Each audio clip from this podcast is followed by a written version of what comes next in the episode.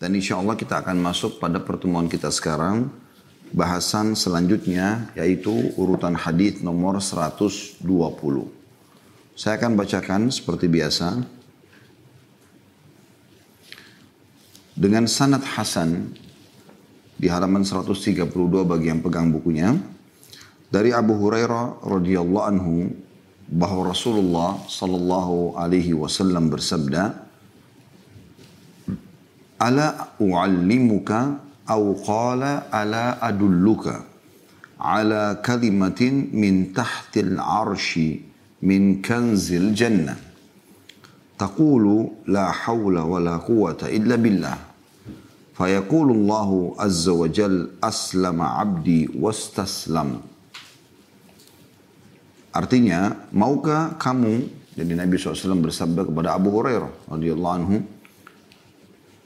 maukah kamu aku ajarkan atau beliau bersabda, maukah kamu aku tunjukkan sebuah ucapan yang berasal dari bawah arsh yang termasuk perbendaharaan surga. Yaitu kamu mengucapkan la haula wa la quwata illa billah tidak ada daya atau tiada daya dan kekuatan kecuali dengan pertolongan Allah.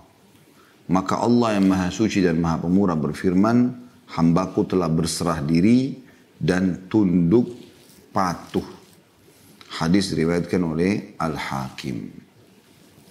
Seperti biasa teman-teman sekalian, kita akan bedah lebih dalam hadis ini. Insya Allah dikuatkan dengan beberapa riwayat dan juga amalan-amalan para salafus salih.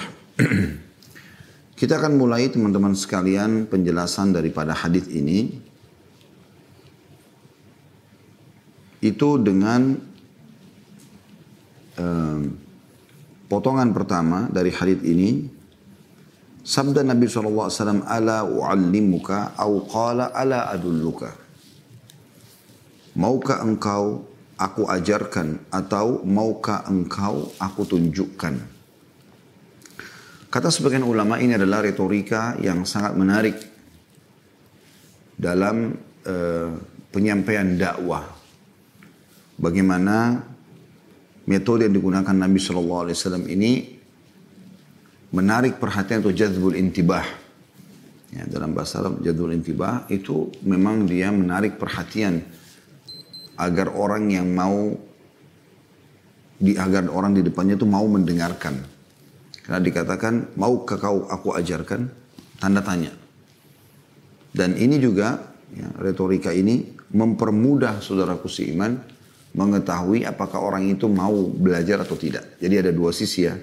Satu sisi dia akan membuat orang jadi penasaran dan akhirnya dia mengatakan iya dia mau. Atau dari sisi yang lain kalau orang itu betul-betul memang tidak mau, maka dia bisa langsung merespon mengatakan saya tidak perlu diajarkan misalnya. Nah kalimat ini teman-teman sekalian sekali lagi retorika yang sangat baik yang kita gunakan gitu kan. Jadi kita kalau mau e, menawarkan sesuatu kepada orang sangat baik kalau kita menggunakannya dengan pertanyaan gitu kan. Jadi kita jangan spontanitas kayak semacam memaksakan tetapi kita coba menawarkan. Ya. Kemudian Nabi SAW menjelaskan ala kalimatin min tahtil arsh min kanzil jannah. Yaitu yang akan aku ajarkan kepada kamu sebuah kalimat ringan yang ber, yang berasal atau berada di bawah singgasananya sang pencipta Allah. Arsh. Ya dan termasuk perbendaharaan terbaik di surga. Jadi kalimat ini menyempurnakan pertanyaan Nabi SAW tadi. Ala u'allimuka au qala ala adulluka. Gitu kan. Nah ini termasuk juga masuk dalam retorika di poin pertama. Yaitu bagaimana eh, Nabi SAW sudah memulai dengan keutamaan. Mirip misalnya kalau kita mau bahas masalah sholat. Kita mengatakan misalnya Mau nggak aku ajarkan kepada kamu atau saya ajarkan kepada kamu amalan yang bisa membersihkan dosamu sehari lima kali. Maka pertanyaan seperti ini membuat orang yang sedang mendengar audiens itu tertarik. Dan dia juga oh sehari lima kali dibersihkan dosa saya. Sebenarnya di sini orang yang akan menyampaikan sudah menyebutkan keutamaan ibadah yang akan dia lakukan. Dia dahulukan dalam pertanyaan dia. Dan perkataan atau setelah itu kalaupun mau dijelaskan kita akan mengatakan Nabi SAW telah bersabda Bagaimana kalau di depan rumah seseorang dan terkadang ada sungai mengalir dengan deras lalu dia mandi sehari lima kali apakah tertinggal kotoran di badannya? Para sahabat menjawab tentu tidak ada ya Rasulullah. Kata Nabi SAW itulah perumpamaan lima waktu sholat yang membersihkan dosa-dosa kalian. Contoh saja ini contoh yang lain gitu ya. Maka ini metode yang sangat menarik yang digunakan oleh Nabi SAW. Itu kurang lebih rangkaian dari eh, apa namanya potongan pertama hadis ya. Dan makna daripada dua hal yang digabungkan, tahtal arsh dan kanzul jannah ini dua hal yang betul-betul kalau orang beriman pasti akan sangat tertarik. Artinya kedudukan kalimat ini sangat tinggi sampai berada di bawah singgasananya Allah. Dan juga perbendaharaan surga artinya eh, kekayaan terbaik. Ya, sesuatu yang terbaik nanti akan kita jelaskan makna daripada kalimat ini lebih dalam insya Allah. Maka Nabi SAW ya, menjawab atau memberikan gambaran la haula wa la quwata illa billah. Ini potongan kedua dari hadis yaitu kamu mengucapkan la haula wa la quwata illa billah. Jadi ini insya Allah juga akan panjang lebar kita jelaskan sebentar lagi insya Allah. Dikuatkan dengan beberapa riwayat Maka Allah subhanahu wa ta'ala akan menjawab kalau seorang hamba mengatakan la hawla wa la quwata illa billah aslama abdi wastaslam. Hambaku telah masuk Islam atau telah ya, menyerahkan diri dan juga tunduk dan patuh. Baik, kita akan masuk teman-teman lebih dalam berhubungan dengan masalah bahasan hadis kita ini. Yang pertama teman-teman sekalian, yang perlu kita garis bawahi adalah La haula wa la quwata illa billah ini punya makna atau kita datangkan dulu beberapa riwayat yang mirip sama ini ya. Riwayat yang pertama diriwayatkan juga oleh Bukhari Muslim. Kalau riwayat kita ini kan diriwayatkan oleh Al-Hakim. Dan ini perkataan Nabi SAW kepada Abu Hurairah radhiyallahu anhu. Dalam riwayat Bukhari Muslim, Nabi SAW mengucapkan kepada sahabat yang lain namanya Abu Musa Al-Ashari radhiyallahu anhu. Dalam riwayat Bukhari Muslim disebutkan, riwayat Bukhari nomor 4205 dan Muslim 2704 dari Abu Musa al-Ash'ari radhiyallahu anhu bahwasanya Nabi SAW bersabda ala adulluka ala kalimatin min kanzil hiya ma ala adulluka ala kalimatin hiya kanzun min kunuzil jannah la haula wa la quwata illa billah Maukah aku tunjukkan kepadamu suatu kalimat yang merupakan perbendaharaan surga Tanda tanya lalu beliau mengatakan sendiri sallallahu alaihi wasallam la haula wala quwata illa billah. Tidak ada daya dan kekuatan kecuali milik Allah. Di dalam riwayat yang lain disebutkan dalam Musnad Imam Ahmad di jilid 3 halaman 422. Dan juga Al-Hakim sebutkan dalam kitab Al-Mustadrak di halaman 4 atau jilid 4 maaf halaman 290 dan juga dalam silsilah hadis sahihah oleh Syekh Albani di jilid 4 halaman 35 sampai 37. Dari Qais bin Sa'ad bin Ubadah radhiyallahu anhum ajma'in. Qais ini salah satu sahabat Nabi ya yang dia dan ayahnya Sa'ad ibn Ubadah sahabat Nabi juga radhiyallahu anhu. Ini yang terkenal dengan kedermawanan mereka ya. Ini kalau teman-teman kembali ke ceramah kami di serial kisah sahabat sudah saya jelaskan panjang lebar tentang kisah dua sahabat ini. Ayahnya Sa'ad bin Ubadah juga anak anaknya sendiri Qais. Ya. Yang jelas teman-teman sekalian, Qais berkata bahwasanya Nabi SAW bersabda kepadanya. Berarti sekarang sudah tiga orang sahabat ya. Abu Hurairah, Abu Musa al-Ashari, sekarang Qais ibn Sa'ad ibn Ubadah. Kata Nabi SAW, maukah aku tunjukkan kepadamu suatu pintu dari pintu-pintu surga? Maka aku menjawab kata Qais, tentu. Beliau SAW bersabda, La hawla wa la quwata illa billah. Jadi ini riwayat yang lain tentunya yang membahas tentang masalah hadis apa yang baru kita sebutkan tadi ya. Ulama berbeda pendapat atau mulai memberikan gambaran tentang masalah makna hadis ini. kita akan mulai dengan perkataan Ibnu Mas'ud radhiyallahu anhu. Inti daripada bahasan kita kan sebenarnya kalimat la haula wala quwata illa billah. Ibnu Mas'ud berkata radhiyallahu anhu, sahabat Nabi yang mulia, la haula an ma'siyatillah illa bi asmatihi wa la quwata ala ta'atihi illa. Yang artinya yang dimaksud dengan tidak ada daya yaitu tidak ada daya untuk menghindarkan diri dari maksiat selain dengan perlindungan dari Allah. Jadi kalau teman-teman mengatakan la haula wal la haula artinya tidak ada daya, maksudnya tidak ada daya dalam meninggalkan maksiat selain dari perlindungan atau dengan perlindungan dari Allah SWT. Dan wala kuwata dan tidak ada kekuatan dikatakan tidak ada kekuatan untuk melaksanakan ketaatan selain dengan pertolongan dari Allah. Imam Nawawi mengatakan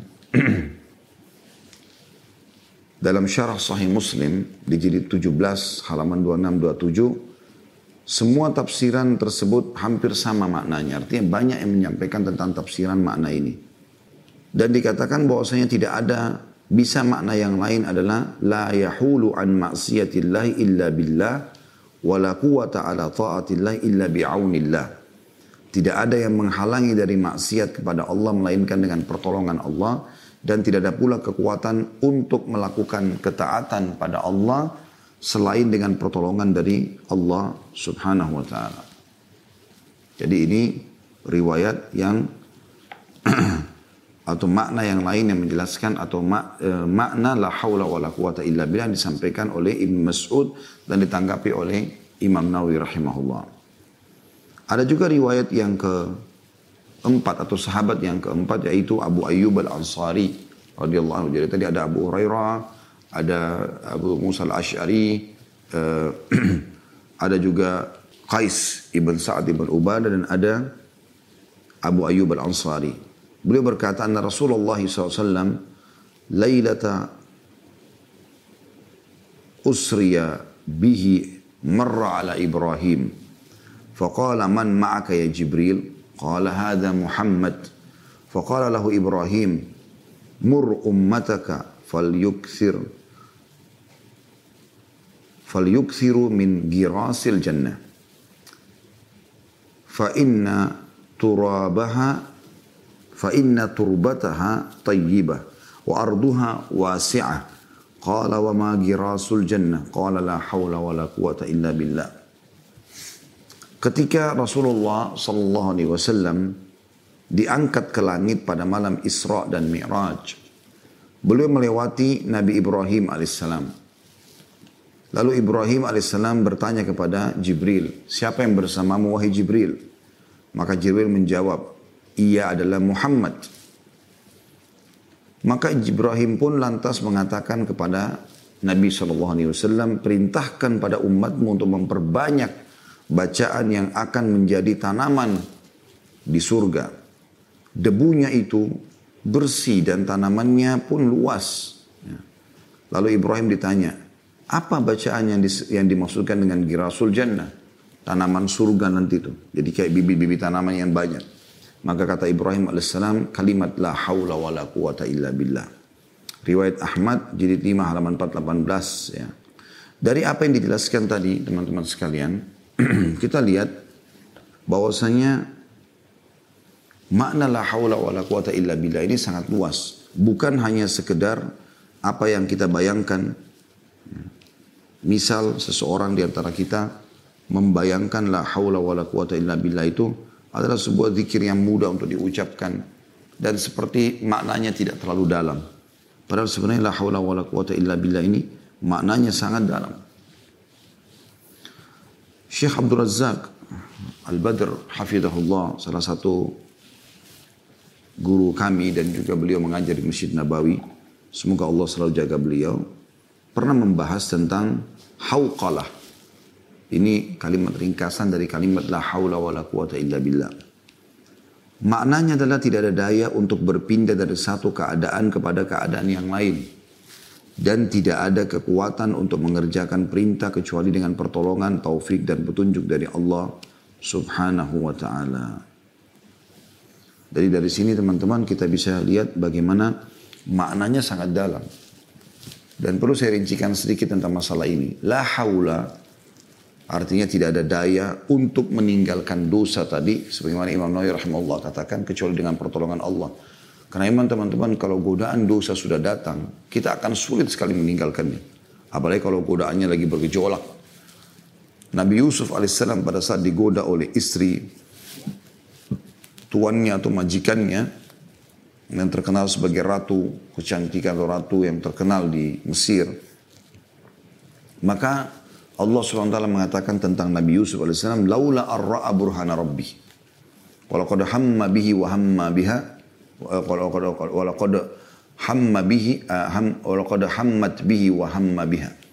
Laula arra'a burhana rabbi. Si perempuan ini sudah cenderung dengan Yusuf, Yusuf pun cenderung dengannya. Karena godaan bergejolak. Kalau bukan dia melihat petunjuk dari Tuhannya. Jadi memang untuk menyelamatkan diri-diri kita ya, dari kemaksiatan, maka kita harus minta pertolongan kepada Allah SWT. Kapan godaan sedang datang, segera berlindung kepada Allah SWT. Godaan untuk berbohong, godaan untuk berzina, godaan untuk riba, godaan untuk menipu, godaan untuk membunuh, godaan untuk apa saja. Kapan kita sudah terfikir untuk melakukan itu, segera minta tolong kepada Allah SWT. Anda bisa berlindung kepada Allah, ya Allah lindungi saya dari perbuatan buruk ini misalnya. Tapi kalau anda mau meringkas itu, anda cukup mengucapkan la haula wa la quwata illa billah. Ya. Insya Allah dengan mengucapkan kalimat ini, sebagaimana sudah ada dijelaskan tadi, dia adalah ya penyelamat langsung dari Allah Subhanahu wa taala dari maksiat. Jadi bisa saja kita menjadi memiliki tameng dari maksiat tersebut atau memang kita tiba-tiba membencinya. Dan lanjutan wala quwata dan tidak ada kekuatan. Di sini tadi maknanya kata Imam Nawawi rahimahullah adalah dalam mengerjakan ketaatan. Kecuali dengan pertolongan dari Allah. Ini juga sama. Kalau Anda memiliki kemampuan, keinginan, ya, kesempatan atau apa saja yang semakna dengan kata-kata ini untuk ya, Anda sampaikan atau Anda lakukan, laksanakan. Misalnya Anda jadi selalu semangat mau sholat lima waktu, tepat waktu. Anda mau sholat malam, Anda mau sholat duha, Anda mau baca Al-Quran, Anda mau berzikir pagi petang, Anda mau bakti sama orang tua, Anda rutin selalu ingin bersedekah. Apa saja. Kalau antara azan kau mau langsung berdoa, hujan turun berdoa. Ada keinginan-keinginan dan bahkan kesempatan untuk itu. Maka itu berarti kekuatan dari Allah subhanahu wa ta'ala. Karena kalau Allah tidak izinkan maka tidak akan pernah bisa orang melakukan ketaatan tersebut. Semua itu dengan pertolongan dari Allah SWT. Allah menguji dan melihat hati hambanya. Kalau orang ini dasarnya memang punya kebaikan-kebaikan, Allah akan mudahkan dia. Tapi kalau dasarnya dia punya keburukan, maka Allah akan lalaikan dia. Jadi ada orang subhanallah, dia badannya sehat, kaya raya. Mungkin dia punya building-building yang besar. Tapi begitu azan dia tidak tertarik untuk sholat. Bahkan dia sibuk dengan meeting. Bahkan tidak jarang mereka meninggalkan Jumat. Memang dia tidak suka. Allah tidak berikan dia kekuatan untuk itu. Sampai sebagian ulama mengatakan, kalau seandainya ada seseorang muslim yang dimudahkan oleh Allah untuk mengucapkan istighfar saja dengan lisannya, berarti Allah memang ingin mengampuni dia. Allah memang ingin mengampuni dia. Kalau anda dimudahkan oleh Allah SWT untuk berdoa, berarti Allah mau mengijabah doa anda. Kecuali anda ikutkan lagi dengan riak. Tapi kalau tidak, maka berarti Allah subhanahu wa ta'ala mudahkan kita pada saat itu. Mungkin anda pernah jalan di satu jalan, kemudian anda melihat ada orang miskin yang minta. Kalau hati anda tergerak untuk memberinya, berarti Allah berikan anda kekuatan untuk itu. Jangan disia-siakan. Lakukan, berikan kepada dia. Seperti itulah. Ya, semoga Allah maafkan kalau di masa-masa lalu pernah sempat luput dari semua ini. Tapi kita berharap ke depannya kita bisa melakukan itu. Jadi itu makna Salah hal dari makna la haula wa la quwata illa billah. Ya. Makanya dalam sebuah riwayat Bukhari dijelaskan pernah Muadz bin Jabal radhiyallahu bersama Nabi SAW di atas tunggangan ya tepatnya eh, keledai pada saat itu. Kemudian Nabi SAW berkata, Ya Mu'ad inni uhibbuk. Wahai Mu'ad, aku benar-benar mencintaimu.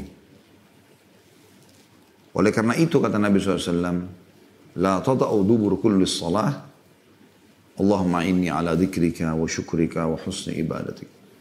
Oleh karena itu bentuk cintaku padamu aku sampaikan kepadamu. Ucapkanlah setiap habis sholat. Allahumma a'inni. Ya Allah tolonglah aku. Ala dzikrika. Agar aku selalu berzikir kepadamu. Wa syukrika. Selalu bersyukur kepadamu. Wa husni ibadatik. Dan memperindah. Menyempurnakan ibadah untukmu. Nah tiga hal ini luar biasa. Ya. Tiga hal ini adalah hal yang luar biasa. Jadi Allahumma inni ala dzikrika Ya Allah buatlah aku selalu, tolong aku selalu berzikir kepadamu. Jadi setiap saat selalu zikir. Dan zikir luas di sini maknanya. Bukan hanya kalimat lisan. Semua ibadah bisa dikatakan maknanya atau masuk dalam umumnya zikrullah. Ya, amalan hati atau amalan badan. Amalan hati seperti tawakal, yakin, cinta, benci karena Allah SWT. Ya, semua itu adalah ikhlas ini adalah zikrullah. Tapi dalam hati. Begitu juga dengan zikrullah, dengan amal-amal saleh, dengan badan, dengan ucapan lisan, dengan mata terjaga dari yang haram, teringat dengan yang haram. Kemudian kita sholat, kita jihad, kita sedekah segala macam baca Quran ini juga termasuk zikrullah. Maka kita minta agar ditolong oleh Allah SWT agar selalu melakukan ini. Kemudian agar tentu setiap waktu kita pahala ya. Wa syukrika dan selalu bersyukur kepadamu. Sementara syukur ini jelas sekali sebab daripada bertambahnya rezeki. Ya, Allah berfirman dalam surah Ibrahim, "A'udzubillahi minasyaitonir la in syakartum la azidannakum." Kalau kalian syukur pasti aku akan tambah.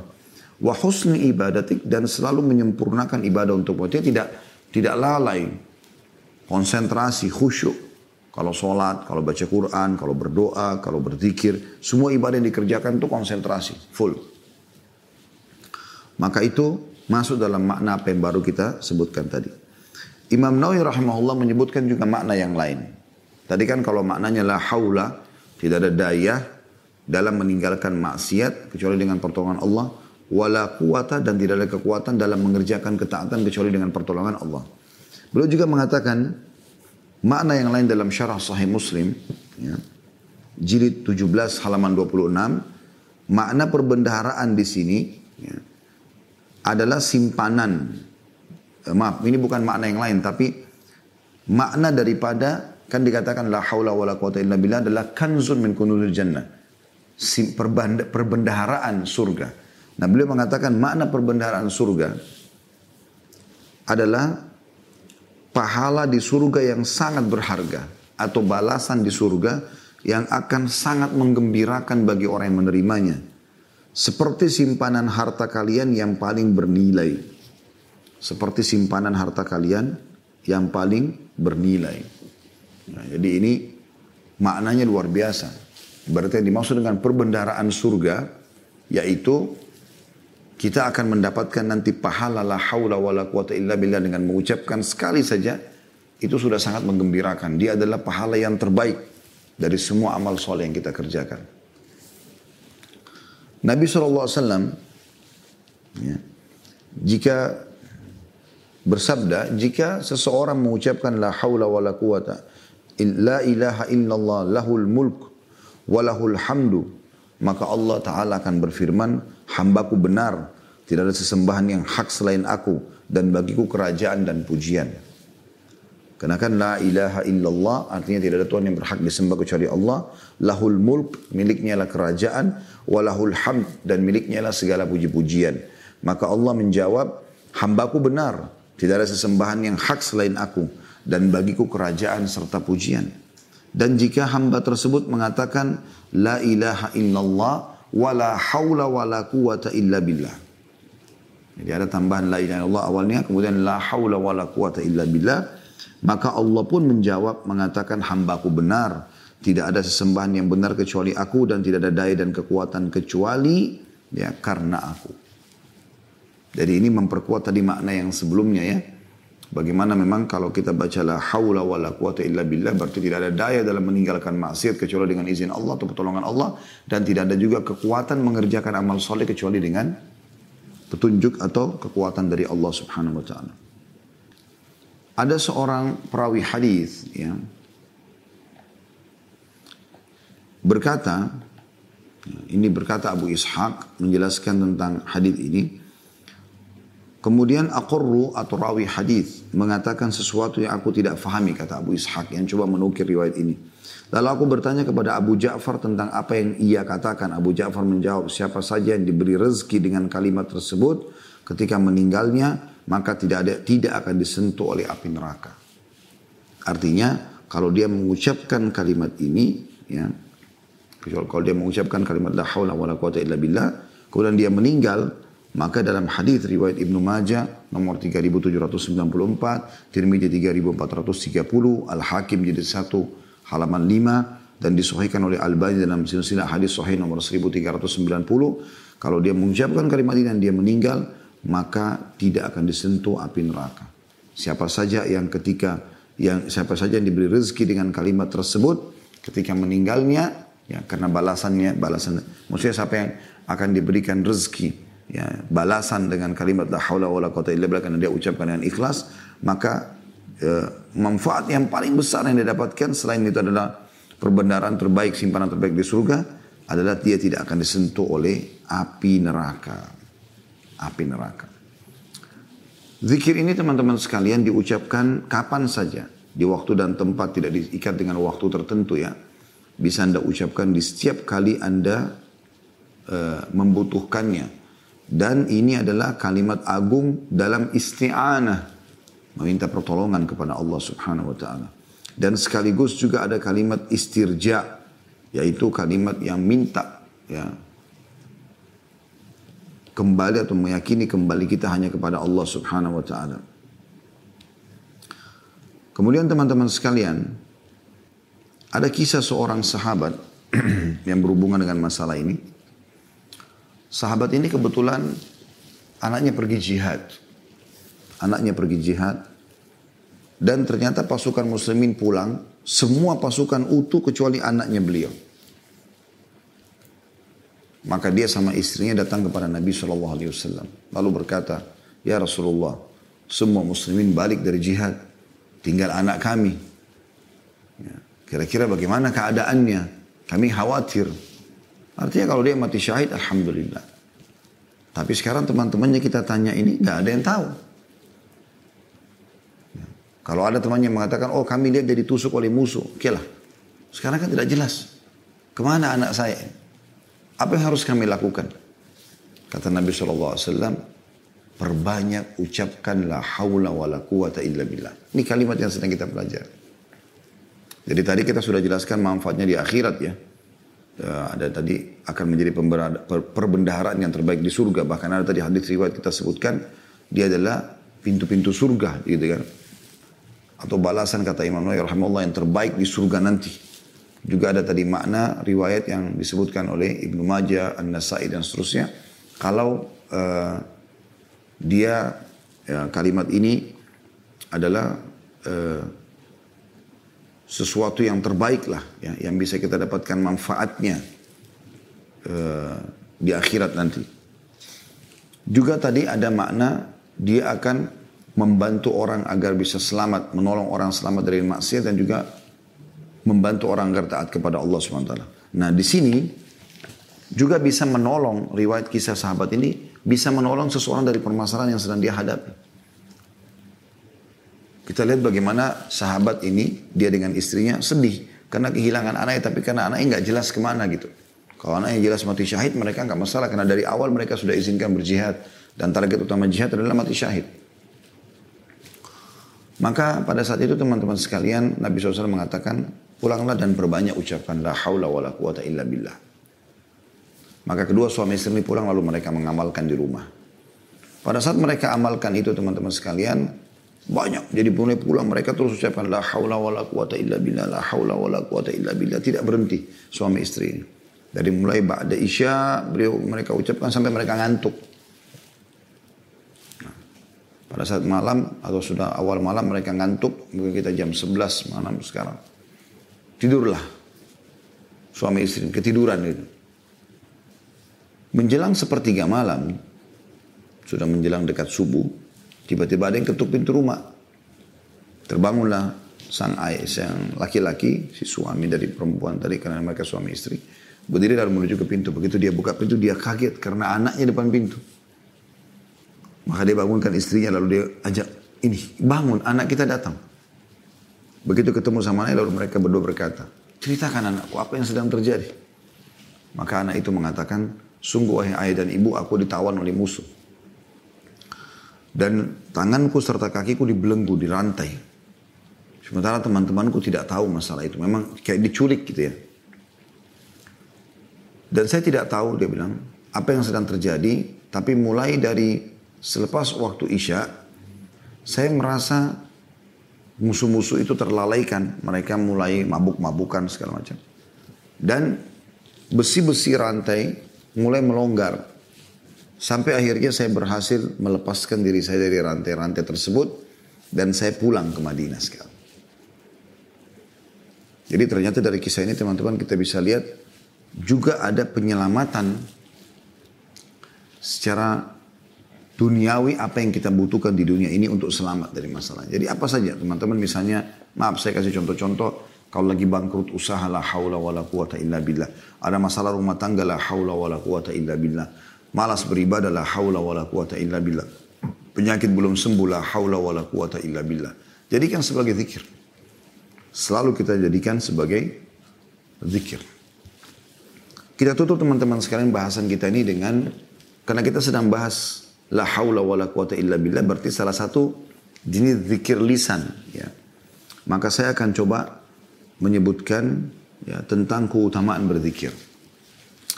Memang mengingat Allah subhanahu wa ta'ala ini adalah bagian daripada ibadah yang sangat ditekankan. Kita coba buka sama-sama teman-teman bagi yang punya aplikasi Al-Quran di handphone tentunya. Dan insya Allah kita semua punya itu. Ya, di zaman sekarang sudah tidak asing lagi. Dalam surah Al-Baqarah ayat 152. Allah subhanahu wa ta'ala berfirman. A'udhu billahi minasyaitonir rajim fadhkuruni azkurkum washkuruni wala takfurun. Maka ingatlah kamu kepadaku. Selalu ingat. Selalu zikir. Niscaya kata Allah, aku ingat pula kepadamu. Dan bersyukurlah kepadaku dan jangan kamu mengingkari nikmatku. Saksi bahasan kia, saksi bahasan kita, fadhkuruni azkurkum. Ingatlah selalu kepadaku, aku akan ingat kepadamu. Zikirlah kepadaku.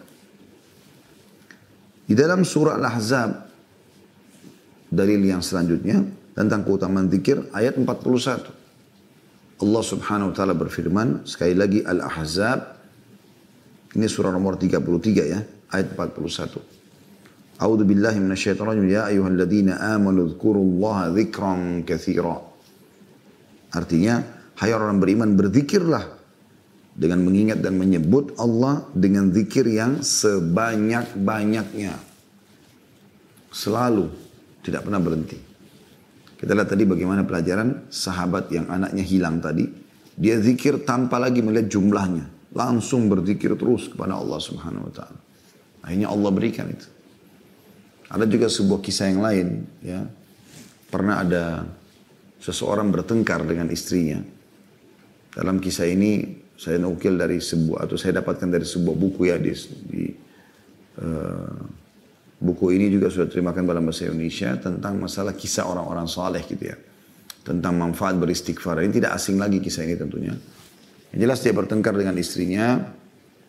Setelah dia bertengkar sama istrinya dan dia bilang malam itu bertengkar sudah besar-besaran sampai pada tingkat ya uh, udah dua-duanya mau cerai dia bilang istri saya sudah bungkus pakainya, tidak bisa ditahan lagi, saya pun juga sudah emosi, maka saya keluar dari rumah. Di tengah malam. Dia bilang, saya pun waktu keluar rumah tidak tahu mau ke mana. Lalu saya lihat ada masjid dekat rumah. Tidak ada tempat yang lebih tenang daripada masjid. Saya masuk ke sana, saya wudhu, lalu saya sholat malam. Berapa rakaat saya sholat, tiba-tiba sudah azan subuh. Saya ikut sholat berjamaah, setelah sholat subuh berjamaah di masjid dia bilang, saya berpikir kalau saya pulang rumah juga, istri saya sudah pergi. Kalaupun masih ada mungkin bisa ribut lagi. Lebih baik saya duduk sampai waktu syuruk, waktu terbit matahari. Lalu dia bilang, Selama waktu syuruk setelah selesai zikir pagi petang, saya terus beristighfar kepada Allah. Setelah zikir pagi, saya terus istighfar kepada Allah. Terus astagfirullah wa atubu Tidak berhenti. Sampai tiba waktu syuruk.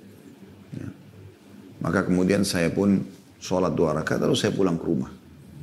Dengan berpikir nanti kalau saya pulang ke rumah, saya pasti akan mandi persiapan untuk kerja dan segala macam. Dan saya akan cari istri saya nanti kalau dia sudah keluar pun. Tapi dia bilang subhanallah begitu saya tiba di dalam rumah. Begitu saya buka rumah wangi. Di atas meja makan sudah ada sarapan gitu kan. Kemudian istri saya keluar dengan dandanannya ya sebagai seorang istri yang memang tersenyum seakan-akan sudah menunggu suaminya. Terus saya spontan mengatakan, apa yang sedang terjadi? Bukankah kau sudah niat mau pergi tadi malam? Dia bilang benar. Tapi saya tidak tahu mulai tadi habis subuh, saya tadi sudah mau pergi, tiba-tiba saya merasa saya yang bersalah. Dan saya harus minta maaf sama kamu. Maka orang ini pun berkata, kalau begitu berarti tadi hasil daripada zikir saya terutama istighfar kepada Allah SWT. Begitu besar luar biasa manfaatnya. Ya. Dalil yang ketiga adalah dalam surah Al-Ahzab, masih surah yang sama, ayat 35. Kalau tadi kan Al-Ahzab ayat 41 ini mundur ya. Mundur 6 ayat. Ayat uh, 35-nya. A'udzu billahi minasyaitonir rajim wadzakirin Allah katsiran wadzakirat. Saya ulangi wadzakirin Allah katsiran wadzakirati addallahu lahum magfiratan wa ajran 'azima. Artinya laki-laki dan perempuan yang banyak berzikir mengingat dan menyebut Allah Allah telah menyediakan untuk mereka ampunan dan pahala yang besar. Jadi ternyata zikrullah, baik itu la haula wala quwata illa billah atau yang lainnya. Tentu la haula wala quwata illa lebih khusus kita bahas pada kesempatan ini ya. Karena dia perbenaran surga dan sudah kita jelaskan tadi maknanya bagaimana dalamnya ulama menjelaskan makna-makna tadi la haula wala quwata illa billah. Ternyata zikir yang lain pun banyak. Astagfirullah wa tubu ilaih. Baca salawat pada Nabi SAW. Baca subhanallah walhamdulillah wa la ilaha illallah Allahu akbar. Ada subhanallah wa bihamdi subhanallahil azim. Banyak zikir-zikir yang kita bisa baca. Laki-laki dan perempuan yang banyak berzikir kepada Allah. Menyebut ya, dan mengingat Allah. Allah menyediakan untuk mereka ampunan. Menjadi penyebab bersihnya dosa. Dan pahala yang besar. Balasan yang besar. Sudah dibersihkan dosa-dosanya dapat juga pahala yang besar. Kemudian dalam surah Al-A'raf ini dalil yang kelima. Maaf, dalil yang keempat ya. Tentang keutamaan zikir. Dan ini dalam surah ini, surah Al-A'raf. Ayat 205. Allah subhanahu wa ta'ala menyebutkan sini tentang adab dan tata keramanya berzikir. Dan ini perlu digarisbawahi karena ada orang suka berzikir tapi dia tidak mengenal dan tidak menerapkan adab dan tata keramanya. Perhatikan Allah mengatakan dalam surah Al-A'raf ayat 205, A'udzu billahi minasyaitonir rajim, wadhkur rabbaka fi nafsika. Syaratnya tadarruan wa khifatan wa dunal jahri minal qawli bil gudui wal asali wa la takun minal ghafilin. Jadi ada tiga syarat di sini ya. Tadarruan, khifa, wa dunal jahri minal qawl. Saya terjemahkan. Dan sebutlah nama Rabbmu dalam hatimu dengan merendahkan diri. Ini tadarruan. Merendah diri. Ya. Betul-betul merasa yang sedang kita sebutkan ini adalah zat yang maha kuasa. Pencipta langit dan bumi. Meresapi dan merenungi kebesaran Allah subhanahu wa ta'ala. Kemudian yang kedua, khifah. Diikuti rasa takut tentang azabnya Allah. Takut kalau meninggal tidak sempat memperbanyak amal saleh. Belum sempat memohon ampun. Dosa-dosa belum dimaafkan oleh Allah. Dan yang ketiga ini yang pentingnya. Tidak kalah penting maksud saya. Dan tidak mengeraskan suara. Tidak teriak-teriak. Ini sekali lagi dilihat dalam surah Al-Araf 205. Nah yang saya ingin titip beratkan sebenarnya adalah syarat yang ketiga tadi. Merendahkan diri sudah banyak orang tahu. Khusyuk dan segala macam. Takut akan siksa Allah. Orang umumnya berzikir berdoa karena takut kepada siksa Allah SWT. Tapi yang ketiga ini. Dan tidak mengeraskan suara. Ini yang masih banyak dilanggar oleh kaum muslimin. Sampai pernah Ya. Maaf saya lanjutkan terjemahan ayat dulu. Di waktu pagi dan petang dan janganlah kamu termasuk orang-orang yang lalai. Pernah waktu Nabi SAW pulang dari salah satu perjalanan bersama para sahabat, maka beliau SAW mengingatkan, kalau kalian sedang menukik, bertakbirlah. Bilang Allahu Akbar, Allahu Akbar. Gitu kan. Jadi kayak kita lagi uh, pesawat take off ya. Atau kita lagi naik mobil atau uh, apalah kendaraan kita motor misalnya. Udah agak menukik kita disunahkan bertakbir. Dan kalau kalian sedang turun kayak pesawat lagi landing dan seterusnya. Atau contoh-contoh uh, yang lain mobil lagi turun ya dan segala macam melewati lembah bertasbihlah. Bilanglah subhanallah. Maka ada satu sahabat, dia waktu tangkap ini, dia karena semangatnya, pas kudanya lagi, mereka lagi lewat di gurun pasir, ada kayak menukik sedikit ya. Begitu menukik dia teriak, Allahu Akbar dengan suara keras. Maka Nabi SAW dengar. Nabi panggil lalu Nabi mengatakan kecilkan suara. Karena yang sedang kau panggil Allah Azza wa Jal tidak tuli. Jadi sini kan berhubungan sekali dengan relevansinya dengan ayat sangat luar biasa. Jangan mengeraskan suara. Boleh sebatas kita dengar misalnya gitu ya. Begitu juga dengan pada saat pasukan Nabi SAW tiba di Khaybar. Khaybar benteng Yahudi di Khaybar. Ya. Di sekitar kurang lebih 173 atau 75 kilo dari uh, Madinah. Ya, seingat saya itu. Kami pernah dulu bawa cuma umroh ke sana. Dan saya ceramahkan tentang perang Khaybar di tengah-tengah benteng mereka. Hanya sementara pemerintah Saudi masih tutup. Itu terakhir kami waktu ke sana. Setelah itu kami mau datang lagi memang masih ditutup sementara ada renovasi mungkin.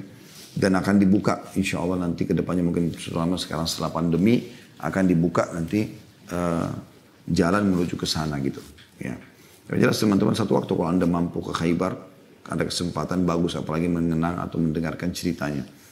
Kalau Anda mau dengarkan tanpa ke lokasi pun Anda bisa dengarkan di kajian kami di Youtube ada di Sirah Nabawi tentang perang Khaybar. Yang jelas teman-teman sekalian, waktu tiba di Khaybar, pasukan muslimin kurang lebih 1400 orang. Di situ ada kalau tidak salah sekitar 9 benteng Yahudi. Di setiap benteng itu ada 1000 pasukan. Mereka besar sekali sebenarnya. Tetapi Nabi SAW sudah menjanjikan kepada para sahabat kalau mereka akan menang. Nah pada saat itu, eh, para sahabat melihat waktu masuk dilihat oleh orang-orang Yahudi mereka pada berlarian mereka sudah dengar kalau pasukan muslimin keluar dari Madinah tapi memang mereka niat mau bertahan di benteng mereka waktu mereka berlarian para sahabat gembira melihat ah sudah sampai di Khaybar orang-orang Yahudi pada lari ketakutan Allahu Akbar teriak dengan suara keras maka Nabi SAW ingatkan juga pada saat itu jangan keraskan suara kalian karena yang sedang kalian panggil Allah tidak tuli dan ingatlah kata Nabi SAW, jangan kalian berharap bertemu musuh. Berharap musuh lihat kalian mereka takut. Tapi kalau kalian bertemu musuh maka kokohkan kaki-kaki kalian. Dan ini penting sekali untuk digaris bawah ya. Kita masuk selanjutnya ke hadis-hadis Nabi SAW. Di antaranya adalah hadis riwayat Bukhari di jilid 11 halaman 208. Rasulullah SAW bersabda, "Mathalul ladzi yadhkuru rabbahu wal ladzi la yadhkuru rabbahu, mathalul hayyi wal mayyit." Perumpamaan orang yang berzikir, mengingat dan menyebut Robnya, dibandingkan dengan orang yang tidak berzikir, mengingat dan menyebut Robnya, adalah seperti orang yang hidup dibandingkan dengan orang yang mati. Kita lihat bagaimana orang hidup bisa beraktivitas, bisa melihat, bisa mendengar, bisa segala macam. Dan bagaimana juga orang-orang yang ya, e, mati sudah tidak bisa berbuat apa-apa. Bahkan tidak bisa membela dirinya sendiri. Perumpamaan orang yang berzikir sama tidak berzikir seperti itu orang hidup dan orang mati. Di dalam riwayat yang lain, riwayat Imam Muslim, lafadznya adalah mathal, kata Nabi SAW, mathalul baitil ladhi yudhkarullahu fihi wal baitil ladhi la yudhkarullahu fihi mathalul hayyi wal mayyit. Perumpamaan atau perbandingan antara rumah yang di dalamnya Allah diingat dan disebut dengan rumah yang di dalamnya Allah tidak diingat dan disebut adalah seperti perbandingan antara orang yang hidup dan orang yang mati. Nah, ini disebutkan dalam Sahih Muslim di satu halaman 539. Ini dalil hadis yang pertama tentang keutamaan zikir. Kemudian yang kedua, hadis yang mulia ya. Kata Nabi SAW, Ala unabbi'ukum bi khairi a'malikum wa azkaha inda malikikum wa arfa'iha fi darajatikum wa khairi lakum min infaqi dhahabi wal warak wal warik wa khairi lakum min an talqaw fatadribu a'naqahum wa yadribu a'naqakum qalu bala qala dzikrullahi ta'ala saya subhanallah setiap kali dengar atau mengulangi hadis ini rasanya sayang sekali kalau kita tidak amalkan ya. Kata Nabi SAW, maukah aku beritakan kepada kalian perbuatan kalian yang paling baik, paling suci di sisi raja kalian, Allah. Paling tinggi dalam derajat kalian. Lebih baik daripada kalian menginfakkan emas dan perak. Lebih baik bagi kalian dari kalian daripada kalian bertemu dengan musuh kalian lantas kalian memenggal leher mereka dan mereka memenggal leher kalian. Maka ini mirip dengan retorika tadi yang saya bilang ya. Bagaimana Nabi SAW menggunakan retorika ini kepada beberapa sahabat. Pertanyaan lalu diikutkan langsung dengan keutamaan. Tujuannya menyampaikan ibadah yang mau dikerjakan. Ya. Tadi hadis yang sudah kita bahas tentang la haula wala quwata illa billah. Maukah aku tunjukkan kepadamu kata Nabi SAW kepada Abu Abu uh, kepada Abu Hurairah atau maukah aku ajarkan kepadamu ya ucapan yang berada atau berasal dari bawah arsh dan juga merupakan perbahan surga. Jadi sebenarnya sudah disebutkan keutamaannya. Lalu kemudian beliau mengatakan kau ucapkan la haula wala quwata illa billah. Nah mirip dengan ini Nabi SAW sudah sebutkan luar biasa keutamaannya. Bagaimana orang tidak tertarik? Perhatikan ya, saya ulangi. Maukah aku beritahukan kepada kalian perbuatan kalian yang paling baik? Mana yang paling baik ini keutamaan pertama adalah yang paling besar pahalanya. Yang paling menggembirakan buat kalian nanti kalau kalian terima balasannya di akhirat. Yang kedua, paling suci di sisi raja kalian. Paling bersih, ya. paling disukai. Yang ketiga, paling tinggi dalam derajat kalian paling mudah mengangkat derajat kalian di surga. Tinggi sekali. Yang keempat, lebih baik bagi kalian daripada menginfakkan emas dan perak. Anda bayangkan kalau Anda keluarkan emas, Anda keluarkan perak. Ya bagaimana keutamaannya luar biasa gitu. Makanya lebih baik lagi. Yang kelima, lebih baik daripada kalian bertemu dengan musuh kalian lantas kalian memenggal leher mereka. Karena ada hadis yang menjelaskan kalau orang muslim membunuh orang kafir, di medan perang tentunya. Kita bicara kalau terjadi peperangan ya. Maka dia tidak akan bergabung sama si kafir di neraka. Artinya ada jaminan bagi si muslim masuk surga. Dan daripada mereka memenggal leher kalian. Lebih baik daripada mati syahid.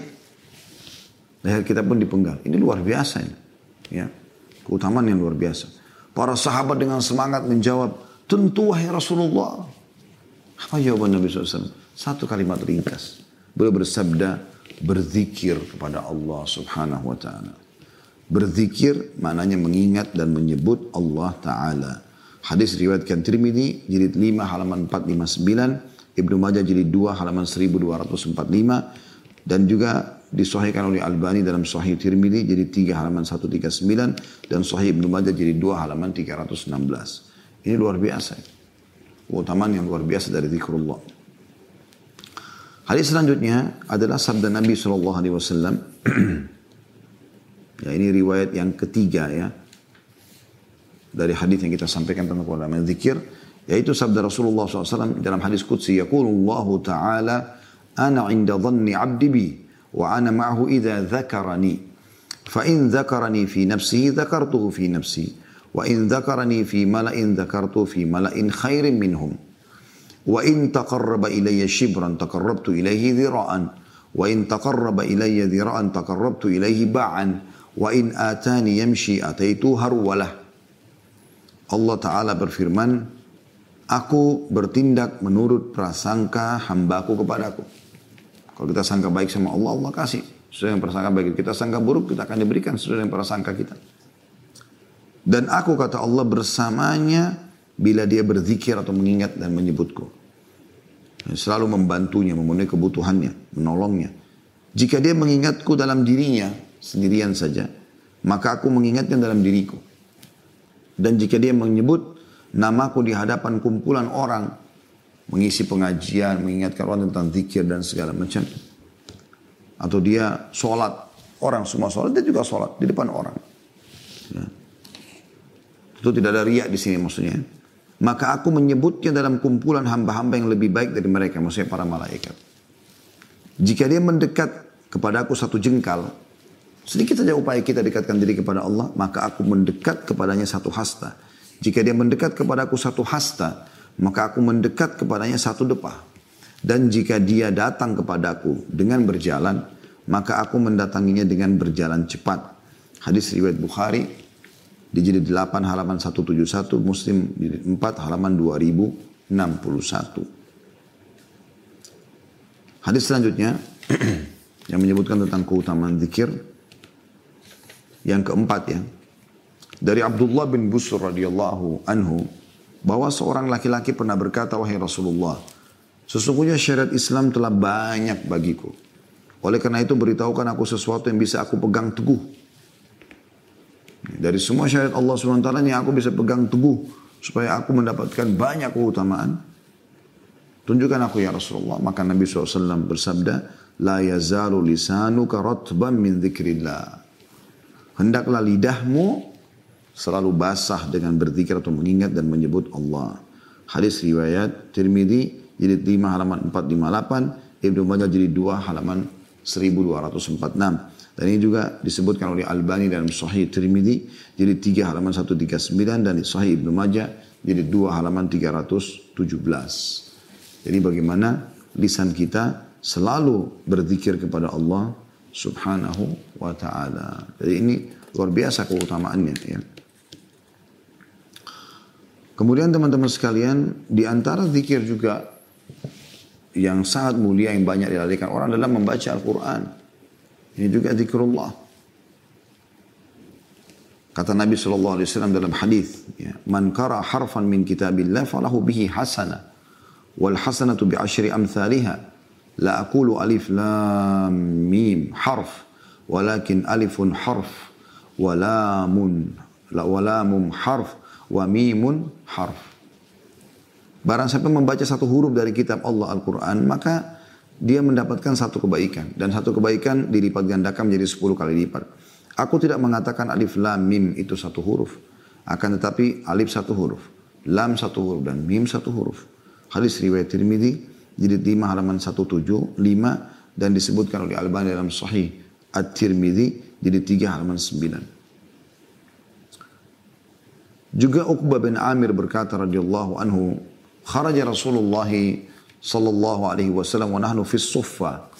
فقال أيكم يحب أن يغدو كل يوم إلى بطحان أو إلى الأقيق فيأتي منه بناقتين قوموين في غير إثم ولا قطيئة الرحم قلنا يا فقلنا يا رسول الله نحب ذلك قال أفلا يغدو أحدكم إلى المسجد فيعلم أو يقرأ آيتين من كتاب الله عز وجل khairun lahu min naqatain wa thalathun khairun lahu min thalath wa arba'un khairun lahu min arba'a wa man a'dadahinna wa man a'dadihinna ya ma wa min a'dadihinna min al-ibil Rasulullah SAW pernah keluar kepada kami ketika itu kami sedang duduk di emperan masjid atau di sufa sebenarnya bukan emperan masjid tapi di sufa itu di belakang masjid.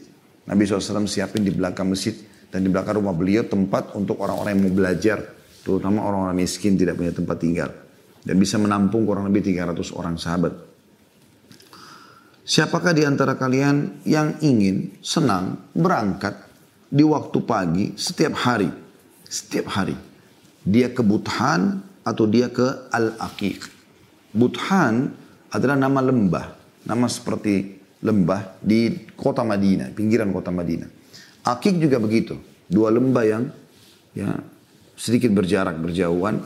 Nah dua lembah ini teman-teman sekalian, di situ sering kali lewat unta-unta liar, tidak ada pemiliknya. Unta yang berkembang biar liar. Ya. Maka Nabi SAW mengatakan, siapa di antara kalian yang mau, yang suka tiap pagi, tiap hari dia pergi ke Buthan atau dia ke Akik, kedua lembah ini, lalu kembali dengan membawa dua ekor unta, yang keduanya memiliki punuk besar, maksudnya unta sudah mahal harganya, sudah besar, sudah dewasa, tanpa mengerjakan dosa, bukan hasil curian, dan tanpa memutuskan tali silaturahim, bukan punya kerabatnya yang diambil.